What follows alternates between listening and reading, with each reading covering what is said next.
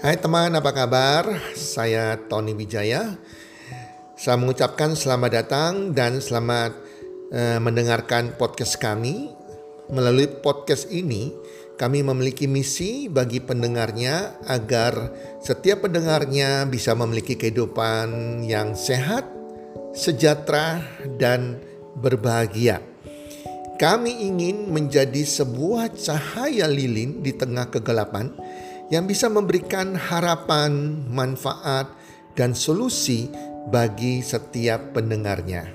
Selamat mendengarkan podcast kami dan semoga Anda menjadi pendengar untuk podcast-podcast kami berikutnya. Salam 1 2 3 salam sehat, sejahtera dan bahagia.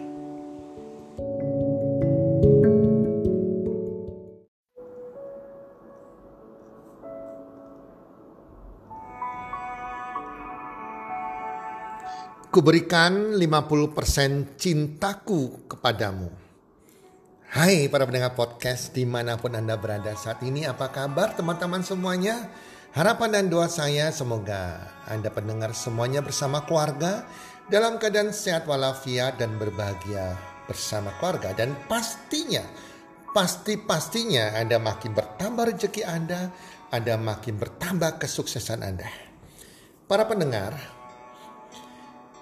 Beberapa waktu yang lalu, udah cukup lama sih teman-temannya, saya pernah masuk di organisasi Nirlaba dan saya juga melayani di sana sebagai konselor. Jadi banyak ibu-ibu yang datang kepada saya yang menceritakan masalah dengan anak-anak remaja mereka yang putus cinta. Kemudian baik itu anak pria mereka, anak perempuan mereka, yang begitu putus cinta, kayak hilang semangat, hilang gairah hidup, sudah kayak orang linglung, ya, sedih berkepanjangan, frustasi, stres.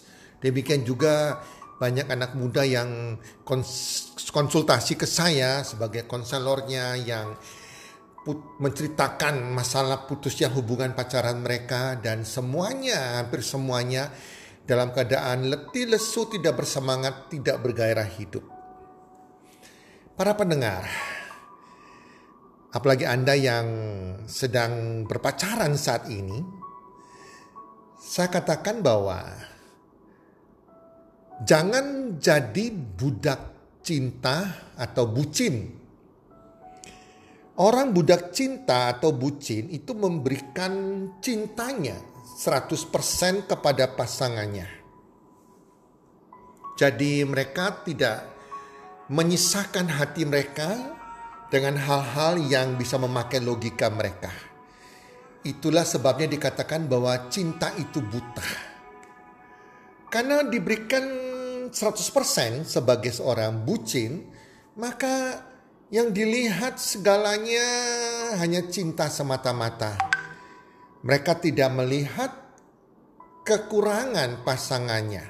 Mereka tidak melihat karakter yang jelek dari pasangannya. Itu yang berbahaya. Padahal dalam berpacaran kita berharap menemukan seorang pasangan yang bisa sampai menjadi pasangan hidup kita, menjadi suami kita atau menjadi istri kita sampai selama-lamanya sampai maut memisahkan kita.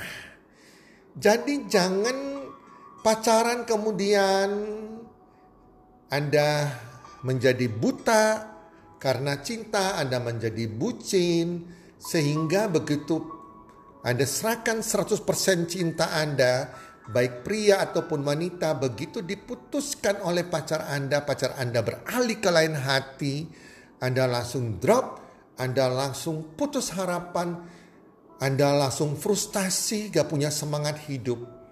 Dan itu-itu menurut saya, satu kata dari saya, Anda bodoh. Jelas Anda bodoh, karena Anda akan mengecewakan kedua orang tua Anda. Kedua orang tua Anda tuh lebih penting dari pacar Anda.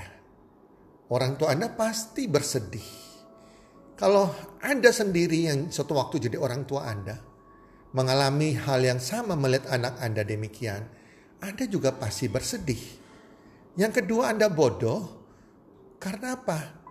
Karena Anda mengecewakan Tuhan. Artinya Anda kehilangan pacar Anda, Anda bisa frustasi dibandingkan Anda kehilangan Tuhan Anda. Tuhan akan bersedih teman-teman. Sedangkan hidup kita, nafas kita semuanya milik Tuhan. Setuju bukan pendengar? Jadi itulah saya selalu ajarkan kepada anak-anak muda. Berikan cintamu hanya 50%. Jangan berikan semuanya. Jangan mau jadikan bucin. 50% adalah pakai logika Anda. Apakah dia pantas menjadi pasangan saya atau tidak. Sehingga suatu waktu terjadi putus hubungan, Entah Anda yang memutuskan atau Anda diputuskan oleh pacar Anda, Anda tidak orang bilang terbawa kesedihan sehingga menghilang semua karakter Anda, hilang semua pribadi Anda yang semangat, yang bergairah tersebut menjadi karakter yang menyedihkan. Dan itu tidak bisa move on lagi. Wow, gak bisa move on teman-teman. Bodoh amat saya bilang. Hidup Anda gak tergantung kepada pasangan Anda. Hidup Anda bersandar kepada Tuhan. Dan selalu percaya bahwa ada sesuatu yang lebih baik dari itu nantinya. Ya, jadi kita harus move on teman-teman. Boleh putus pacaran, silakan. Kita bersyukur, ikhlas bahwa oh dia bukan jodoh saya. Dan Tuhan akan kasih yang terbaik buat Anda. Nah sekarang bagaimana? Agar cinta Anda hanya diberikan 50%. Bukan 100%. Jangan jadi bucin, teman-teman. Yang pertama, sadarilah bahwa Anda pacaran ini bukan sekedar mau TTM, teman tapi mestra, hanya senang-senang tetapi Anda mencari pasangan hidup Anda. Karena apa teman-teman? Menurut saya image yang tidak baik. Kalau kemudian Anda gonta-ganti pacar, ada cewek yang bangga, oh saya sudah tujuh kali. Saya putuskan cowok saya. Putus pacaran. Kita nggak tahu benar nggak benar. Dia diputuskan oleh cowok atau dia memutuskan. Yang jelas kalau saya sebagai orang tua, apalagi orang tua ada timur, image-nya akan jelek kepada cewek itu. Tujuh kali pacaran. Wanita seperti apa gitu loh. Wanita suka mempermainkan pria atau wanita yang sudah ditinggalkan oleh pria. Demikian juga seorang pria yang pacaran bola balik dengan bangga menceritakan 24 kali pacaran, 10 kali pacaran, 5 kali pacaran. Kalau saya sebagai orang tua dari anak gadis, saya gak mau punya pria seperti itu walaupun dia kaya sekalipun. Karena menurut saya pria ini tipe playboy, suka gonta ganti pacar. Jadi hati-hati pada saat kita menentukan menerima cinta seseorang atau menentukan dia pantas jadi pacar saya atau tidak. Anda harus cek and recheck Ya, kalau jangan sampai jadi bucin. Bucin artinya apa? Buta semuanya. Makan teringat dia. Kita lagi minum teringat dia. Kita lagi tidur teringat dia. Semua bayang-bayang dia yang muncul. Ya, ngomong-ngomong sama orang tua teringat dia. Lagi mandi teringat dia. Lagi buang air teringat dia. Semuanya teringat dia yang ada di mata pikiran kita bukan orang tua kita, tetapi pacar kita. Anda rela melakukan apa pun untuk pacar Anda daripada untuk orang tua Anda. Wow, itu itu itu itu bodoh amat gitu loh. Kadang orang tua suruh Anda mengantarkan mereka ke dokter, Anda menolak. Oh, maaf. Papa, mama, saya mau mengantarkan pacar saya nih. Ada urusan. Anda lebih utamakan pacar Anda daripada orang tua Anda. Wow, itu menyedihkan sekali dan itu fakta terjadi. Sebagai konselor, itu fakta. Dan saya pernah menghadapi klien yang demikian, teman-teman. Jadi menurut saya itu menyedihkan sekali.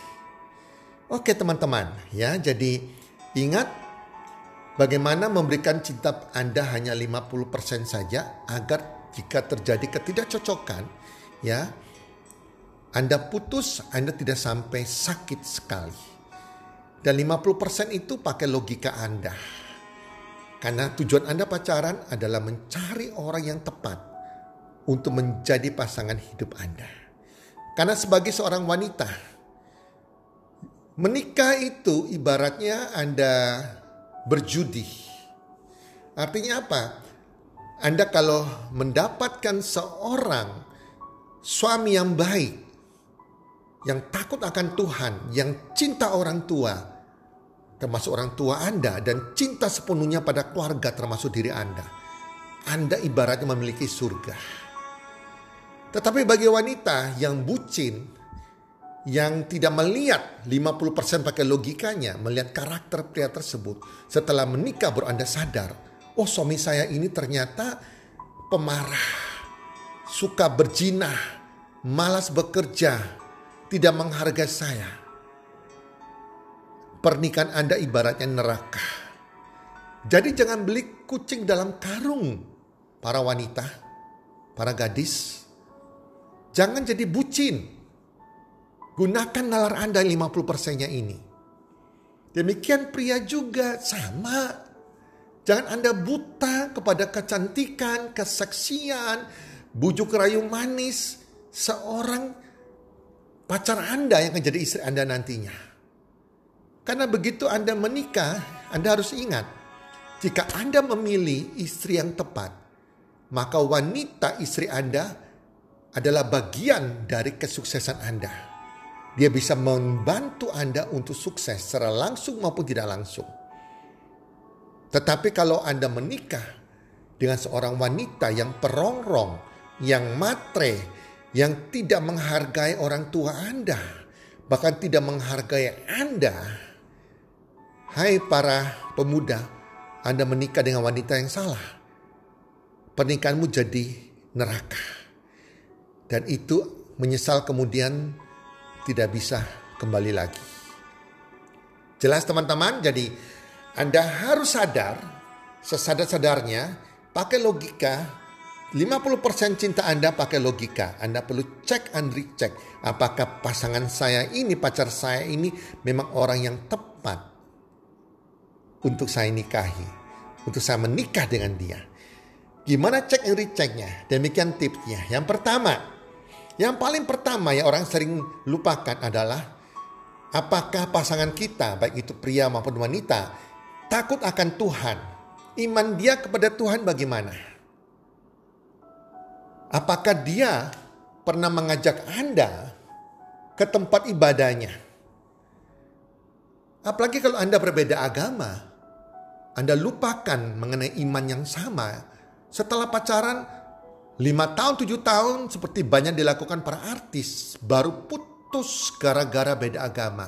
Itu menyedihkan sekali. Jadi hal keimanan agama ini menentukan pertama kali. Apakah perbedaan agama? Nah, bisa disesuaikan nggak perbedaan agama ini? Atau agamanya sama? Tetapi pacar saya ini kayaknya dia bukan orang yang beragama dia tidak bisa menjadi imam saya atau istri saya ini adalah orang yang tidak suka sembahyang, tidak cinta kepada Tuhan. Bagaimana rumah tangga kita nanti? Nah, ini pertama, iman yang sama dan takut akan Tuhan, cinta akan Tuhan yang harus dilihat. Kedua, cek and recheck. Apakah dia menghargai Anda? Dia sopan kepada Anda atau tidak? Contohnya, kalau Anda seorang gadis, seorang wanita pacaran, pacar Anda sudah sukanya nyosor aja, sukanya tangannya nakal, bergerilya, mengajak Anda melakukan perbuatan, uh, maaf kata, berhubungan badan sebelum pernikahan, itu artinya dia tidak menghargai Anda. Mendingan Anda putus pada pria tersebut. Karena itu akan jadi kebiasaan karakter dia yang nanti dia menikah pun dia akan selingkuh. Dan dia kalau Anda sudah mau mengajak ajakan tidurnya, dalam pikiran seorang pria tersebut, Anda ini wanita murahan. Dia tidak akan respect pada Anda. Mungkin bagi wanita, oh karena cinta saya mau tunjukkan, saya mau buktikan, saya kasih tubuh saya. Tapi bagi pria, wah ini wanita gampangan. Dan dia akan tinggalkan Anda, akan cari yang lain. Wanita yang rugi yang menyesal. Jadi Anda harus cek, pria ini sopan tidak, menghargai Anda tidak. Kalau dia mengajak Anda tidur, mengajak Anda berbuat pelecehan seksual, itu sudah tidak menghargai Anda putuskan kepada Anda menyesal nantinya. Demikian pria tersebut dengan wanita juga sama. Wanita ini menghargai Anda sebagai pria tidak. Kalau wanita ini sudah mulai sok merasa cantik, sudah mulai suruh-suruh bicara kasar, merintah-merintah, atau suruh uh, si pria pegang tasnya, Anda dianggap sebagai uh, jongosnya dan kadang ada wanita tertentu yang bangga sekali pria bisa bisa disuruh bukakan pintu-pintunya, pintu mobil, pegang tasnya, segala macam nih. Wow, wow, angkat belanjaannya. Itu baru pacaran, menikah bagaimana? Itu si wanita nggak menghargai Anda, teman-teman pria. Jangan jadi bucin, ya. Ketiga, check and recheck. Apakah pasangan Anda, pacar Anda ini, atau calon pacar Anda ini, mencintai orang tua orang tuanya apa tidak? dia dekat dengan orang tuanya apa tidak. Kalau si wanita, dia harus mengecek apakah pacar saya ini dia mencintai mamanya, dia menyayangi mamanya atau tidak. Kalau perlu Anda cek, cari tahu secara pelan-pelan. Kalau seorang pria, pacar Anda yang pria ini tidak sayang sama mamanya, hati-hati. Nanti setelah menikah juga anda tidak mungkin disayang sama suami Anda. Cari seorang pria yang menyayangi ibunya, maka dia akan menyayangi istrinya.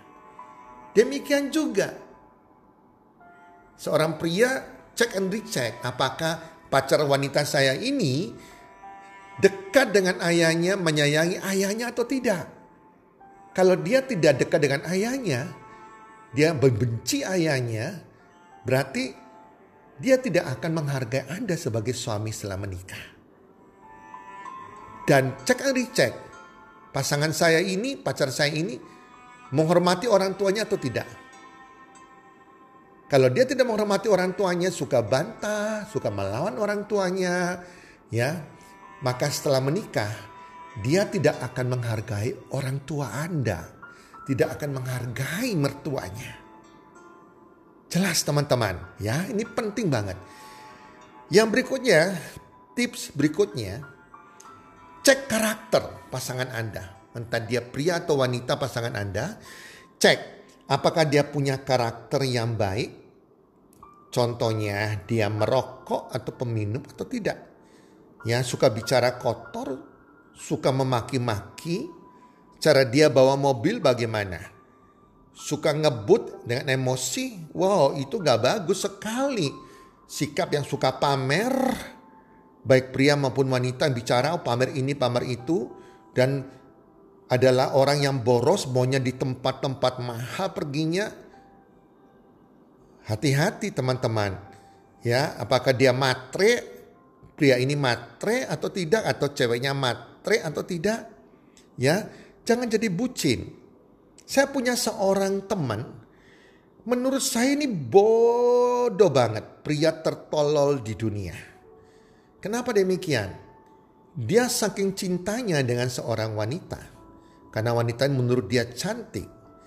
Kalau saya melihat yang utama, oke lah kita bisa jatuh cinta dengan kecantikan seorang wanita. Kemudian yang utama adalah kecantikan hati dan karakternya.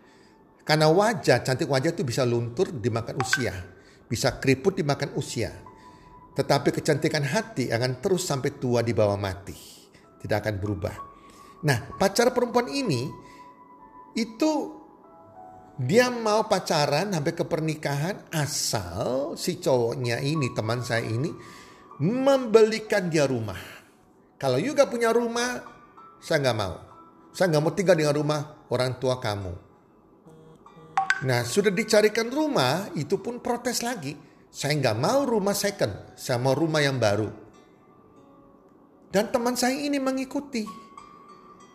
Dan akhirnya mereka menikah. Begitu menikah ya bodohnya sendiri. Curhat ke saya.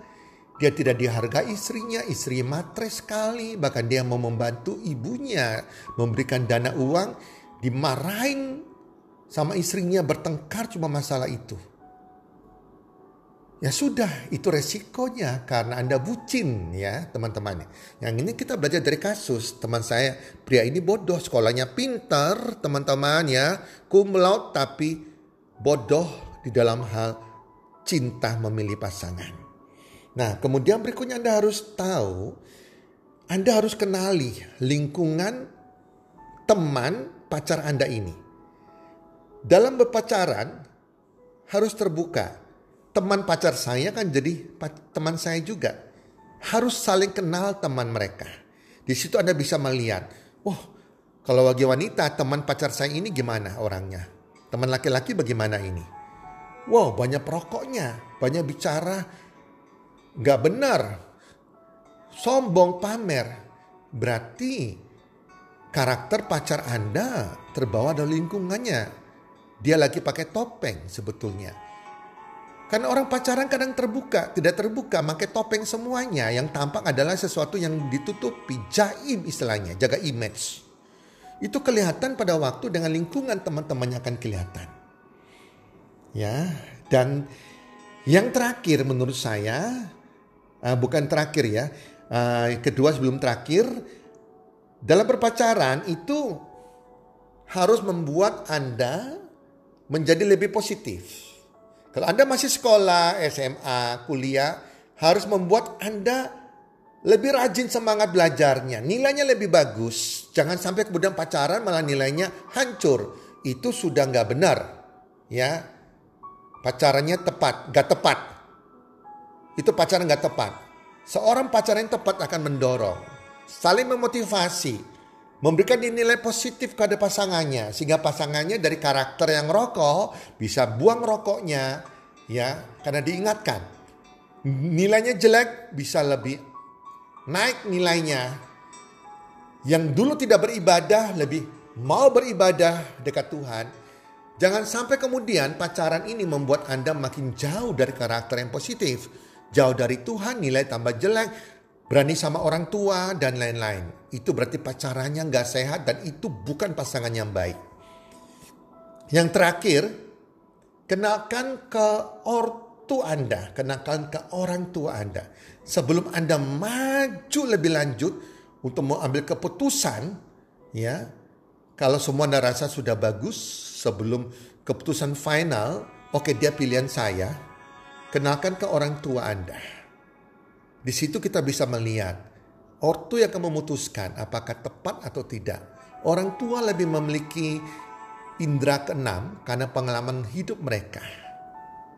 Nah itu teman-teman khususnya anak-anak muda yang lagi berpacaran atau sedang akan berpacaran, itu tips dari saya sebagai seorang konselor yang pernah menangani masalah-masalah anak muda ataupun orang-orang tua yang punya masalah dengan anak-anak mereka yang berpacaran dan putus pacarannya.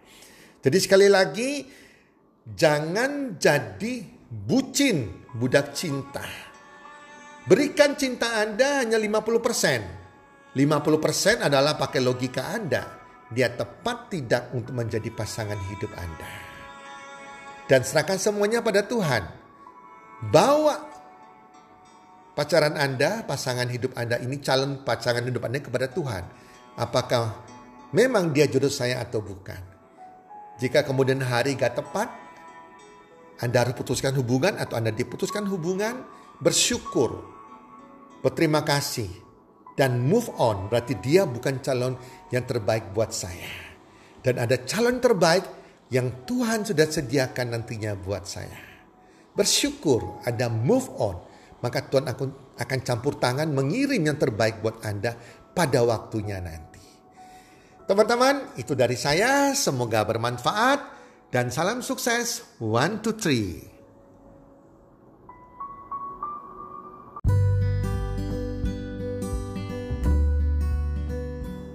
Terima kasih sudah mendengarkan podcast kami. Teman, jika Anda rasa bermanfaat podcast kami ini, Anda bisa menginfokan kepada rekan kerja Anda, keluarga Anda, teman ataupun sahabat Anda. Dan jika ada hal-hal yang Anda ingin tanyakan kepada kami ataupun topik-topik apa yang Anda ingin kami bawakan, kami sampaikan, Anda bisa DM kami di Instagram kami health community www.mantutri.id. Salam One Two salam sehat, sejahtera dan bahagia.